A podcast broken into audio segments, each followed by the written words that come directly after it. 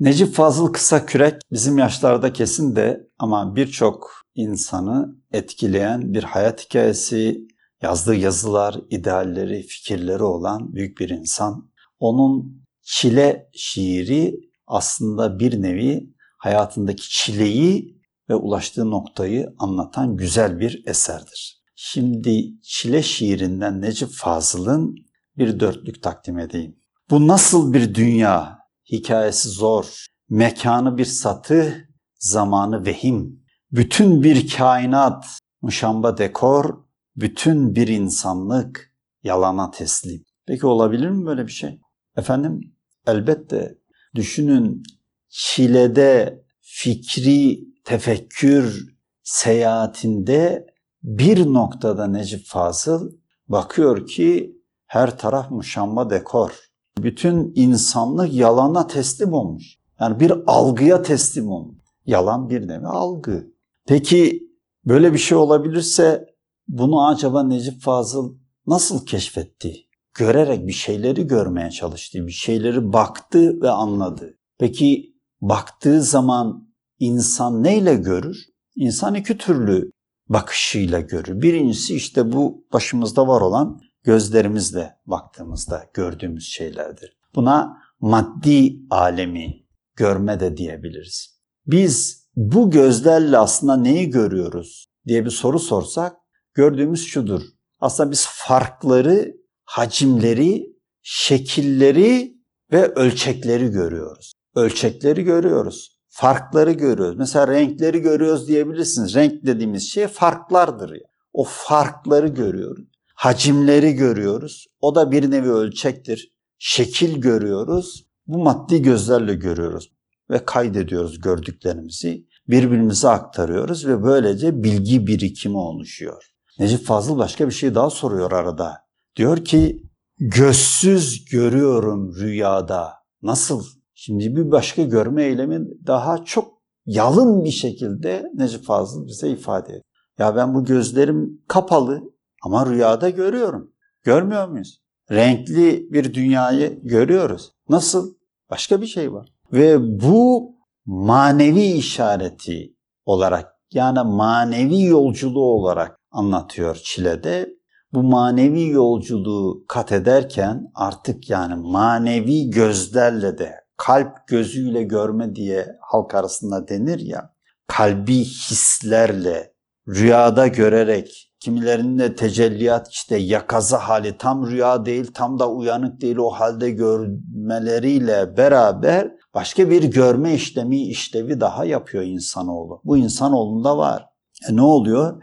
Bunlardan etkileniyor insanoğlu. Şimdi bu diğer canlılarda, hayvanlarda var mı yok mu bunlar müzakere edilen ve hala ispatlanamamış bilinmeyen şeyler. Ama insanoğlu gördüğü rüyalarla değişik kararlar verebiliyor. Karar ağacında ki hayat ağacıdır dedik değişiklikler yapabiliyor. Yani manevi bir ona da manevi taraf diyoruz. Birine maddi taraf, diğerine manevi taraf. E manevi tarafta da devam ettiği zaman sonunda Necip Fazıl buradan da hareket ederek bir dörtlükle neyi gördüğünü, neyi bulduğunu bize ifade ediyor.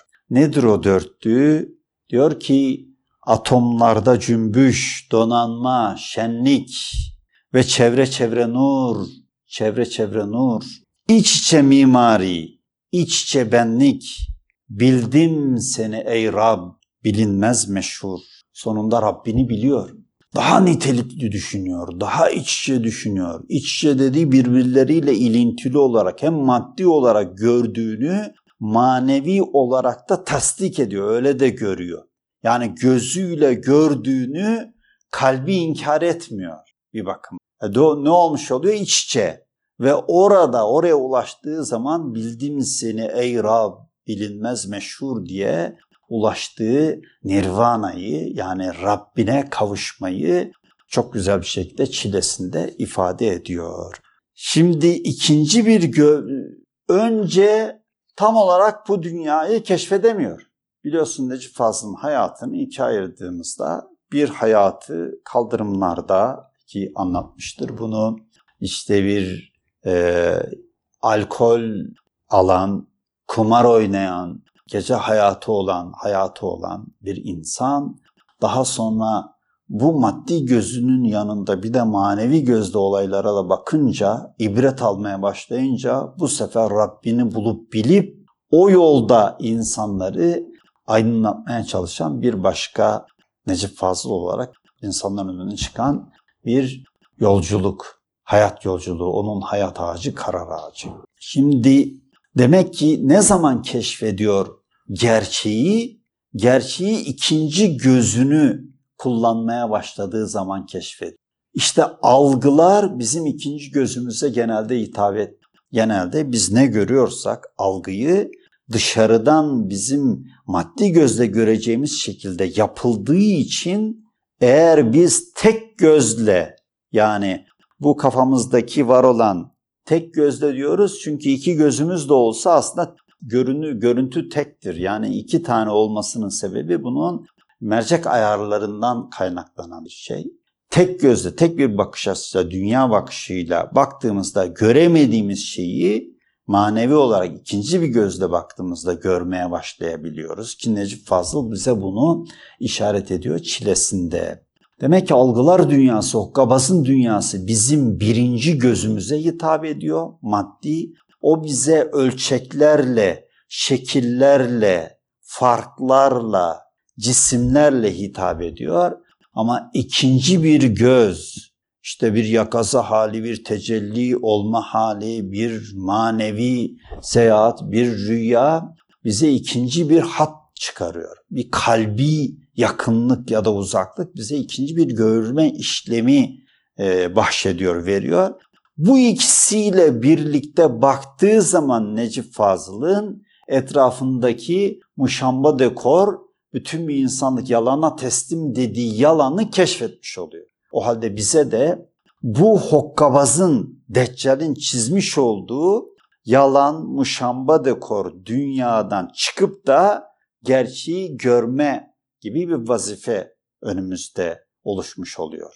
Yani bunu bunu yapabilmemiz için ikinci bir görme işlemini de yapabilmemiz gerekiyor. Bunu ikinci bir görme işlemini yapmazsak biz etrafımızdaki algılara teslim oluruz. Yani Mesih-i Deccal'in esiri oluruz, Okkabaz'ın esiri oluruz ya da bir başka ifadeyle cambaza teslim olmuş oluruz. Hani derler ya cambaza bak cambaza. Biz cambaza bakar dururuz. Cambazın bütün yaptıklarını gerçeğin kendisi olarak algılarız. Halbuki cambaza bak diyenlerin gösterdiği şeylerin dışına çıkarak başka bir gözle de bakmak lazım.